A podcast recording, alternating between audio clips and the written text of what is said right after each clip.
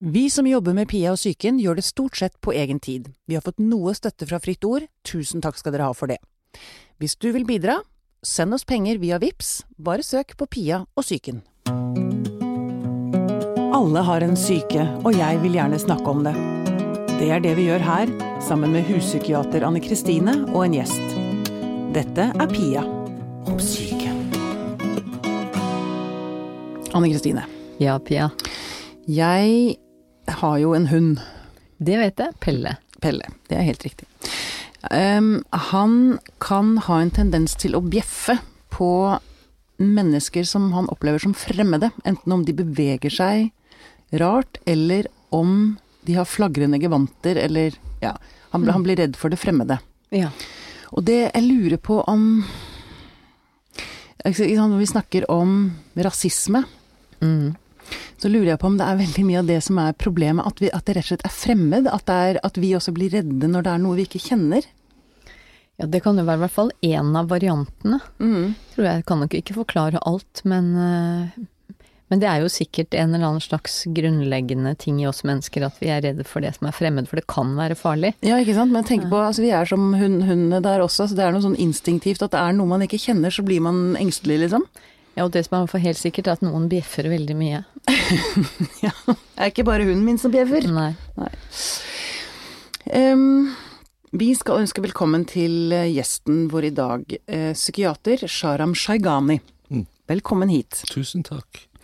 Du kom hit som asylsøker i 1988 Stemmer det. fra Iran. Mm. Reiste du alene? Ja. Ja. Mm. Og du flyktet Ja. fra Iran. Ja, men Mm. hva, hva, var det som, hva var det som var den overhengende trusselen for deg? Nei, altså jeg kan jo jeg kan si det på den måten at i løpet av kort tid, uten at jeg kan gå i detaljer her, så i løpet av kort tid så, så måtte jeg da forlate Iran. Eh, og, og det måtte jeg gjøre på en veldig dramatisk måte. Mm. Eh, jeg var student på universitetet og mm, studerte farmasi faktisk i det var andre året. Mm. Og, og i løpet av vel, en veldig kort tid så måtte jeg da forlate, forlate landet. Og i Iran i den tiden så hadde vi ikke noe reisebevis eller pass, og, og, og det betydde at jeg måtte da krysse over grensen. Um, og, og det var flere muligheter. Det var mulig å gå over til Tyrkia, Pakistan, eller krysse over til Dubai. Eh, og da valgte jeg Tyrkia. Mm. Og du gikk alene? Nei, jeg gikk med en gruppe, Gruppe, og så mm. da fant jeg meg en som kunne hjelpe oss over. Mm. Så, så kasta vi oss inn i et uh, veldig, veldig dramatisk og farlig reise, da, som Mm. tok uh, Altså, vi gikk over fjellet, og det tok vel uh, litt over to uker. Ja. Eh, og der var det jo Ja, jeg skal ikke gå i detaljer igjen, det var veldig vanskelig reise, veldig krevende fysisk reise, men også veldig farlig. Så det, jeg måtte da leve i en veldig beredskap, veldig utrygg situasjon, da. Mm. Vi måtte gå om nettene og hadde veldig lite tilgang til mat og drikke. Det var altså Ja, det var noen med oss som hadde helseplager, og, og vi måtte liksom få dem med, og så måtte vi hele tiden være i, i en tidssone der det var mørkt, for å ikke bli oppdaget. Og vi visste at det var soldater som kunne oppdage oss på dagtid. Hva kan du si om eh, psyken din i både den gangen da, men også nå? Hva slags inntrykk har det gjort? Hva har det gjort med psyken din, det du har vært igjennom? Jeg tror eh, akkurat der og da så forstår man ikke hva man går gjennom. Man Nei, bare opplever ting og er opptatt av å overleve. Mm. Eh, det er en veldig spesiell situasjon. Mm. Eh, der overlevelsen kommer først. Ja, man har ikke tid egentlig til å reflektere over hva som skjer inni en, nei. Overhodet ikke. Nei. Og, og det er jo så mange forskjellige følelser. Eh, men i etterkant så var jeg så heldig at jeg valgte å bli psykiater. Mm. Og, og jeg har alltid tenkt at en psykiater også må se innover seg selv. Mm. Det syns jeg er en veldig, veldig god idé. Ja, det, det er det. Ja. Og, og derfor så valgte jeg å ta en utdanning i psykoanalyse. Så jeg gikk i min egen psykoanalytisk behandling. Det er kravet for å bli psykoanalytiker. Mm. Så, og det også hjalp meg til å se litt tilbake på min historie og ting jeg hadde med, tatt med meg videre. Mm. Eh, så jeg tror jeg forsto mer og mer i etterkant hva jeg gikk gjennom. ja. Og jeg kunne etter hvert også sette ord på det, på en nyansert form. Mm. Og se også hvordan de opplevelsene preger meg videre i livet. ja. Og hva kan du si om det? Hvordan preger de deg videre? På mange måter. Eh, jeg tenker på godt og vondt. Eh, det er jo en sånn opplevelse å flykte og å komme til et nytt land på den måten. Det er jo en tilpasningstest for psyken, vil jeg si. Tilpasningstest? Ja, det var et nytt, nytt, si. nytt uttrykk for meg. Ja, det er det. For, men det må jeg snakke litt med dere begge, bare stoppe, eller ikke stoppe, men bare liten parentes. Tilpasnings... Ja, altså eh, akkurat det, det, det ordet er jo ikke så kjent, men det med tilpasning, det handler jo om eh, at har man en sunn og trygg og god syke, så klarer man å tilpasse seg mye. Hva som helst. Nesten hva som helst, og det er jo en av de tingene vi sier at altså, tilpasningsdyktighet Ja. eh, er, altså er et tegn på god syke. Sånn at når Sharam sier at det var en test på det, så viser du altså hadde han hatt en, et eh, anlegg for eh, at det ikke skulle gå bra, så hadde det ikke gått bra etter det han hadde vært igjennom. Mm, okay. Men eh, at når det har gått så bra som det har, så tyder det jo på at han har en god og robust syke. Robust syke. Ja. får håpe det. ja, men det, jeg kan- jeg kan det ja, veldig gjerne. Um, jeg ser jo på, på det som en, um, som en både og. Altså det kan være en situasjon som kan trigge frem det sårbare i deg. Mm. Fordi du kommer i en veldig krevende situasjon der du må overleve både fysisk, men også psykologisk. Mm. Men det kan også trigge frem ressurser i deg. Du kan, og det er det jeg har vært opptatt senere i livet, altså i forhold til spørsmålet om innvandrere og flyktninger. Mm. At jeg har vært veldig opptatt av at vi ikke skal bare se på dem som ofre. Mm. At vi kan også se på det som ressurser. Og vi kan snakke om det. Så jeg tror en sånn immigrasjon eh, vil også på en måte avdekke en del av ressursene som finnes i oss. Ja. Som vi kan tenke litt tilbake og hente igjen. ja. Hva, hva tenker du selv av din, dine egne ressurser? Hva, hva, hva hentet det frem i deg, liksom? Jeg fikk jo i hvert fall uh, en sterk vilje til å gå videre. Mm.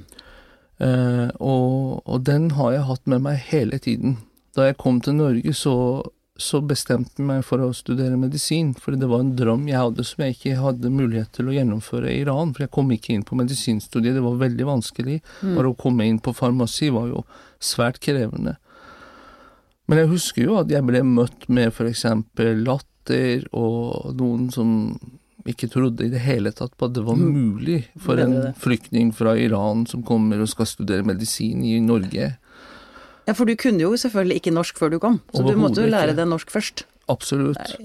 Så Og jeg måtte jo gå på videregående skole. Jeg hadde ingen dokumentasjon med meg, så, så jeg hadde jo Jeg måtte jo gå på videregående skole. Mm. Så, men, men den viljen husker jeg jeg hadde i meg, og, og den følelsen at jeg skal gjennomføre det, det var en av de tingene. Men også takle stress og se hvordan det er og ja, jeg tror jeg ble veldig ydmyk også i denne reisen i forhold til mine pasienter. Så har jeg en enorm ydmykhet, fordi jeg av og til vet hva det betyr å ha angst, hva det betyr å ikke finne mening med livet i en viss situasjon. Eh, alt det der så har jeg jo gitt meg en ydmykhet i forhold til min plass, da. Mm. Du, vel, det, det er interessant. eh, Jeg hadde det jeg har, si Det var en av de tingene jeg hadde lyst til å snakke med deg om. Dette med å finne styrken i folk istedenfor å gjøre dem til ofre. For det tenker jeg, én ting er asylsøkere og innvandrere, men også folk som sliter psykisk. Um, det kan være en tendens til å sykeliggjøre eller svakeliggjøre. Uh, er dere med meg? Ja, altså det Vi har jo Gjennom utdanninga vår så blir vi jo lært opp i å finne symptomene og tegnene på sykdom. Og, vi, og vi har jo, kan du si, det kanskje framst i oppmerksomheten. Å lete etter det syke og det som ikke virker. Mm. heldigvis så begynner det jo å endre seg litt. Altså hele den såkalte recovery-tankegangen og alt det handler om å lete etter ressurser. Men det har tatt lang tid før man har begynt å se etter ressursene og ikke bare symptomene og sykdommen. Ikke sant? For det er um, jeg, Det traff meg så veldig, jeg kjenner det igjen selv, ikke sant. Um, fra min reise som Jeg har vært tvangsinnlagt og diagnostisert med bipolar 2, ikke sant. Og det der å, å få lov til å Altså, i sted, noen sa jo at jeg kom til å bli uføretrygda. Sant? Det var jo noe av det jeg fikk fra, fra helsevesenet, ikke sant. Så det var en kjempegod idé, men for meg så var det helt Det var liksom Jeg hadde ikke Jeg ville ikke. Altså, ja. Ok. Du har et par ressurser, har vi oppdaga. Det Jeg er veldig glad for å få fagekspertisens Ja. eh, syn på det der. Jeg er veldig, bra, veldig glad for det. Du, eh, Sharam. eh, Du er jo sekulær muslim. Mm. Um, og du er uh, også kritisk, eller ja, religion Ja, jeg har lyst til å snakke litt om religion. Mm. For jeg opplever det sånn at religion kanskje ikke alltid er det beste for psyken. Det er mye skam og skyld som følger med de aller fleste religioner, egentlig. Eh, kanskje. Hva tenker du om det i forhold til islam? Altså, jeg er sekulær muslim, og det er jo i seg selv et begrep som er veldig forvirrende. Ja, egentlig. Man lurer på hva det er. Men, men altså, jeg, jeg tenker at uh, jeg har en kulturell bakgrunn fra et land der eh, det var islam som var en hovedreligion. Jeg er født i en muslimsk familie. Jeg var praktiserende muslim i den forstand at jeg gikk i moské. Og, så jeg kaller meg en muslim. Og jeg har den kulturelle bakgrunnen og kjennskap til islam. Eh, men jeg også kaller meg sekulær fordi at jeg mener at veien til sameksistens ligger i sekulære verdier. Og det er der vi må ha fokus på for å kunne eksistere sammen.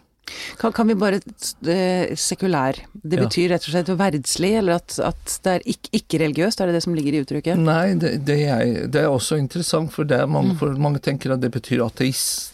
Med, Ja. Eller at man Nei, altså sekulær først og fremst betyr atskillelse av religion og stat.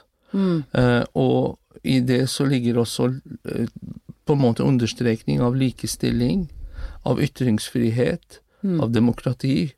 Altså disse verdiene, tenker jeg, som er universelle, det er ikke norske verdier. Dette er verdier som jeg også har kjempet for i Iran. Ja. Så det er de verdiene som kan holde oss sammen, som kan på en måte, for meg da, gjøre det mulig at vi kan leve sammen på tvers av kultur og religion. Derfor så kaller jeg det sekulær muslim. ja. Eh, og jeg tror mange er sekulære kristne i Norge, men de trenger ikke å si det. Men i akkurat når det gjelder islam og den situasjonen, den krisen som er eh, i islam akkurat nå, så tror jeg det er enda viktigere at man er tydelig på det, at de er en sekulær muslim. Ja, nettopp. Men eh, for å snakke litt med dere begge også om dette med psyken og religion. Eh, Det kan jo være godt å ha noe å tro på, altså noe å stole på, noe utenfor seg selv. Men eh, det er også ganske mange regler, eh, altså, og en del skam og skyld, som blir lagt på oss via også kristendommen. Ja, og en- som, for å ta det du sa først, det med at det kan være godt å ha noe å tro på, det, det er jo også en del av det å ha et godt selv. Og det å være trygg i seg selv, det er jo det der å ha opplevelsen av å være noe som er større enn en sjøl. Og, og det kan jo være en religion, altså at man er en, en del av noe større. Så det kan være bra, men det du peker på er jo de reglene både skrevne og uskrevne, som enkelte religioner har. Mm. Altså sånn at det Du skal ikke gjøre sånn, du skal ikke gjøre sånn, du skal ikke gjøre sånn. Og noen regler trenger vi jo. Altså det er jo mange fine For eksempel hvis vi tenker på de ti bud Skal ikke drepe og sånn. Ja, du skal ikke drepe, og du skal ikke stjele og sånne ting. Men, eh, men de, altså det å lage regler kan jo også misbrukes. Mm. Så hvis noen ledere velger å undertrykke ved hjelp av religion, Så går det an, det har vi sett. så går det an. har vi sett mange eksempler på. Og da er det jo veldig virksomt å appellere til blant annet skam og skyld, og det å få folk til å føle seg utilstrekkelige og dumme og syndige og dårlige mennesker. Mm. Det kan jo være et Det er et bra- effektivt virkemiddel. Bra maktmiddel, det. Mm. Og så er jeg opptatt, for å svare på ditt spørsmål eh, jeg- Jeg tenker at jeg, det, hvordan religion virker på psyken, det er også det, det området jeg er litt opptatt av. Fordi der har Altså, vi har jo psyken vår, Mm. og, og en struktur i psyken. Og vi absorberer jo disse tankesettene, alt ideene, hva som er riktig, hva som er galt, de moralske, på en måte kompassen. Den integreres inn i psyken. Ja. Så jeg skrev jo for et par uker siden om psykologisk Gud. Ja. Altså det at En ting er at man kan diskutere om Gud finnes, ikke finnes, hva det er, naturen osv., men det bildet man har inn i seg, en psykisk indre bilde av Gud, det trenger ikke å være det som er Gud. Mange har personlige ting investert i denne psykiske, et psykiske bildet av religion og Gud de har, og de tar det for gitt at det er sånn det er. Det er Gud. Også for andre, eller? For andre, for seg sjøl, og det å kunne diskutere det, at, at eh, det som du tror er gudsbildet, eller Gud, eller religion, har masse investering av dine personlige ting inni det. Masse følelser, masse personlig Livet ditt er investert. Der er jeg litt opptatt av. Ja, man, altså det du sier er at man lager sin egen gud basert på alle erfaringer, opplevelser, opplevelser, selvfølgelig gjør man det. følelser. Mm. Selvfølgelig gjør man det. Så det finnes millioner av Gud. Ja, det finnes like mange guder som mennesker, egentlig. Ja, ikke sant? Faktisk. De som tror på deg, i hvert fall. Ja, ja.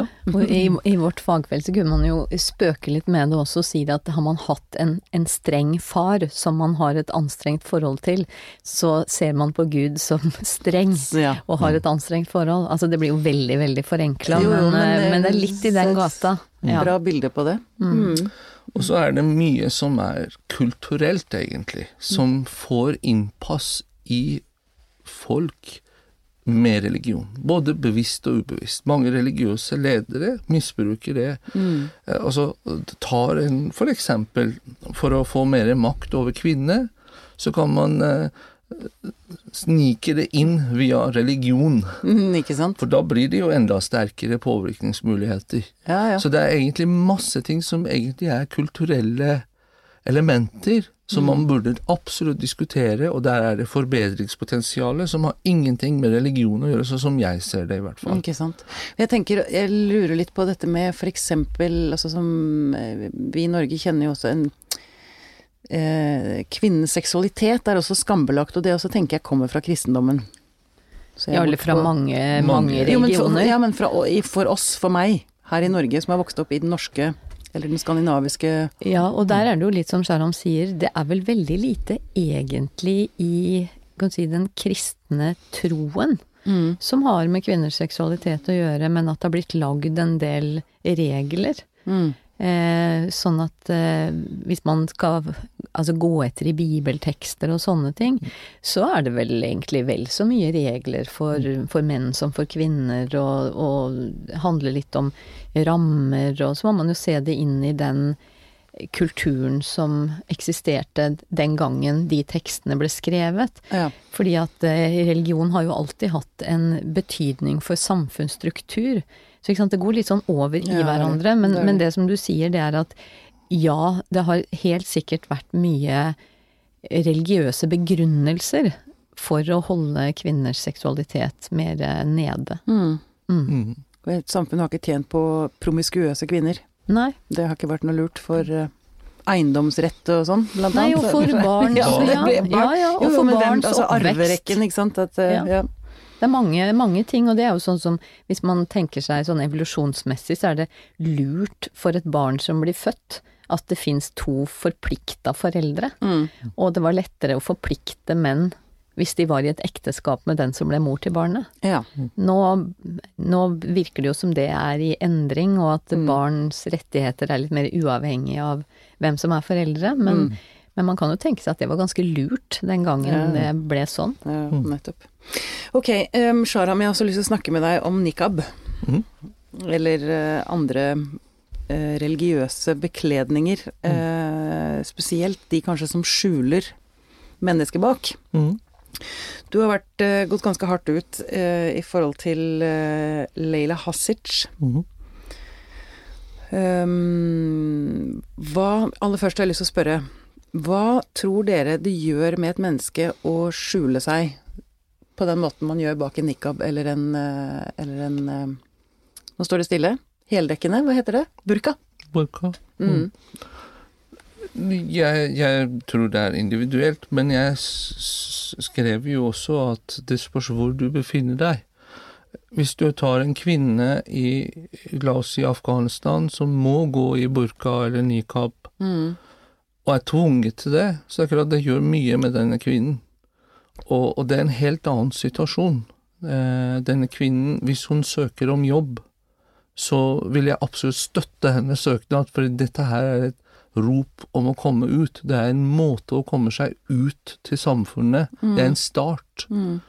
Men hvis jeg lever i Norge og tar på meg en nikab, Mm. så handler det ikke om et rop for å komme seg ut til samfunnet. Det handler egentlig om veien tilbake.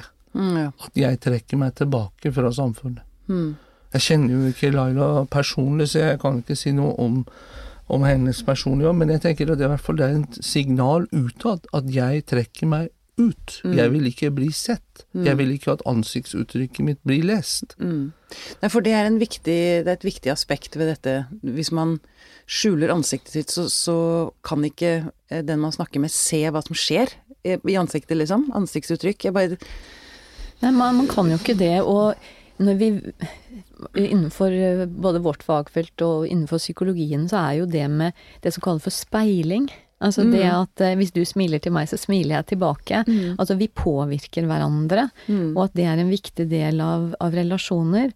Så, så er det jo klart at det byr på veldig store utfordringer hvis man f.eks. i helsevesenet, når man er innlagt som pasient på, for et eller annet, hvis man da møter mennesker som man ikke kan se ansiktet på, så blir man frarøvet muligheten til å få en, en, altså en fullverdig relasjon til de hjelperne man er omgitt av. Fordi at man trenger å se øyne, man trenger å se ansiktsuttrykk, man trenger å, å liksom være i det samspillet for å, å skape en relasjon som gir trygghet. mm. Altså, det er noe Det er noe Jeg vil si det er noe forferdelig med det. Mm. De som blir tvunget til det, det er jo rett og slett eh, diskriminering til den grad det går. Mm. Og det ligger jo så mye bak det. Altså, én ting er det plagget, men en annen ting er jo mentaliteten rundt det. Ja. At kvinnen skal dekkes på den måten. Mm.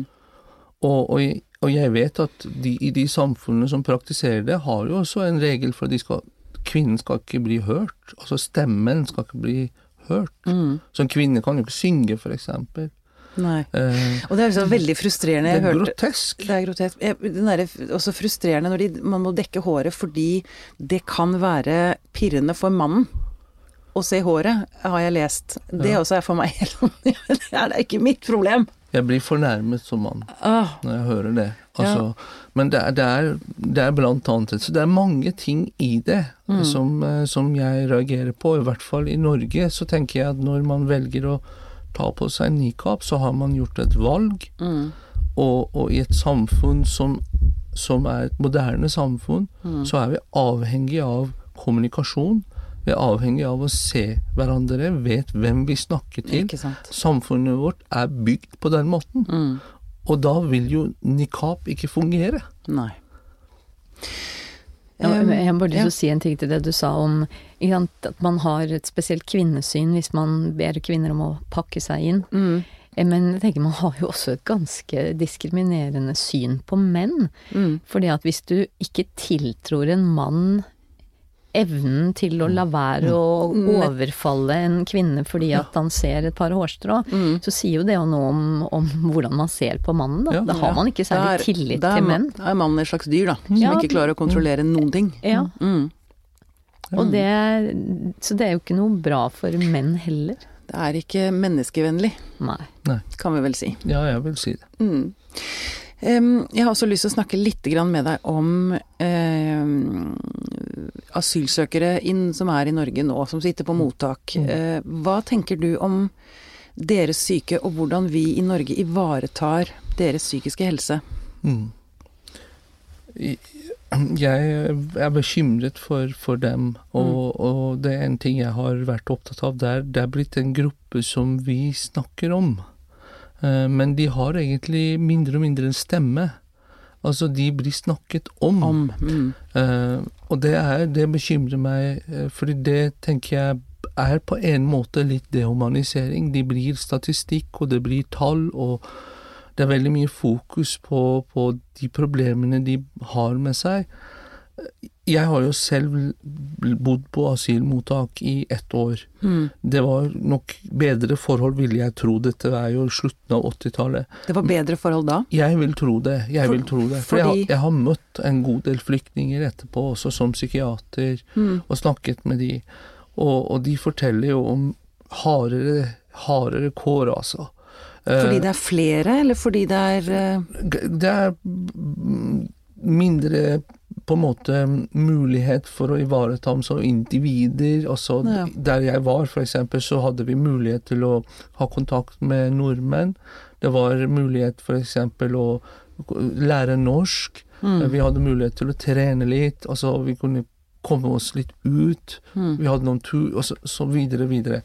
Så det virker som at det er eh, på en måte vanskelig tilværelse å være asylsøker. Mm. Men generelt så det å bo på et mottak er jo en stor påkjenning, altså. Mm. Fordi man, man er på en måte ingen. Ja, det er Eh, akkurat det. Så, Rett og slett. Mm. eh, og, og Så jeg generelt så, så er jeg jo bekymret, og spesielt på barn som bor der er jeg veldig bekymret. For jeg har jo jobba litt med flyktninger, av og til kommer de med sine barn. Mm. Og jeg blir jo veldig opptatt av de, Mm. hvordan de opplever det. Mm. Mm. Men hva Altså én ting er hva staten Norge gjør, men jeg lurer på oss som privatpersoner. Er det noe vi kan gjøre Kan man, kan man, kan man f.eks. dra på et asylmottak og si 'her er jeg', eh, kan jeg være her litt og leke med barna, eller altså Mm. Jeg vet ikke om du får lov, jeg vet ikke, jeg kjenner ikke til regelverket, men i Nei. den tiden jeg var på asylmottak, så hadde vi den muligheten. Ja. Og da, på den måten, så fikk jeg jo kontakt med en god del nordmenn. Og det vil jeg si var også en viktig kilde for å lære, lære meg norsk, og lære om den norske kulturen. Mm. Og jeg fant jo mange interessante mennesker. Mm, ja, ikke sant. Eh, Så det satte jeg jo stor pris på når, når det var noen nordmenn som kom på besøk. Det var det altså, faktisk. Mm. Ok. Eh, Sharam, er du Men er du, er du håpefull på verdens vegne? Ja, jeg prøver i hvert fall å holde håpet i live. Det er jo, det er jo mange, mange ting som skjer som, som utfordrer håpet. Mm. Men jeg jobber jo med meg selv for å holde håpet oppe. Mm. Så ja, jeg vil svare ja til det. Ja. Ja. ja, veldig bra. Mm. Noe dere har lyst til å si avslutningsvis, noen av dere? Som eh, det, vi er igjen, så er, det er så ofte jeg sitter her og tenker ok, vi kunne snakket en time, to til.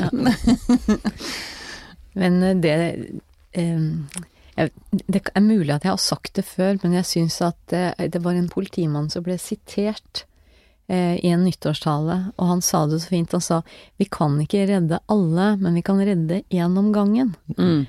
Og det syns jeg er så fint å ta med seg, for det betyr at hver gang man møter noen, så kan man være et ålreit medmenneske. Mm. Det gjelder eh, etniske nordmenn, og det gjelder asylsøkere, det gjelder alle. Men altså, vi kan alle sammen gjøre en liten forskjell for hvert menneske vi møter i løpet av en dag. Ikke sant. Og det er noe med at alle er rett og slett bare mennesker. Ja. Mm. Altså uansett hvor man kommer fra, hva man Alle er mennesker. Mm, absolutt. Og jeg, jeg sier også at uh, i måten vi behandler andre, definerer hvem vi er. Ja. Og vi har hver gang vi møter et medmenneske, mulighet til å definere oss igjen. Mm. På nytt. Ikke sant. Mm. Det gir håp. Mm. Mm. Det er, ja, men der har man jo rett og slett makt over sitt eget liv Ja, i det, i det du måte. sier der. Ja. Mm. Mm. Veldig bra. Sharam Shagani, tusen takk for at du kom til Ja, oss. takk. Tusen takk, det var veldig hyggelig.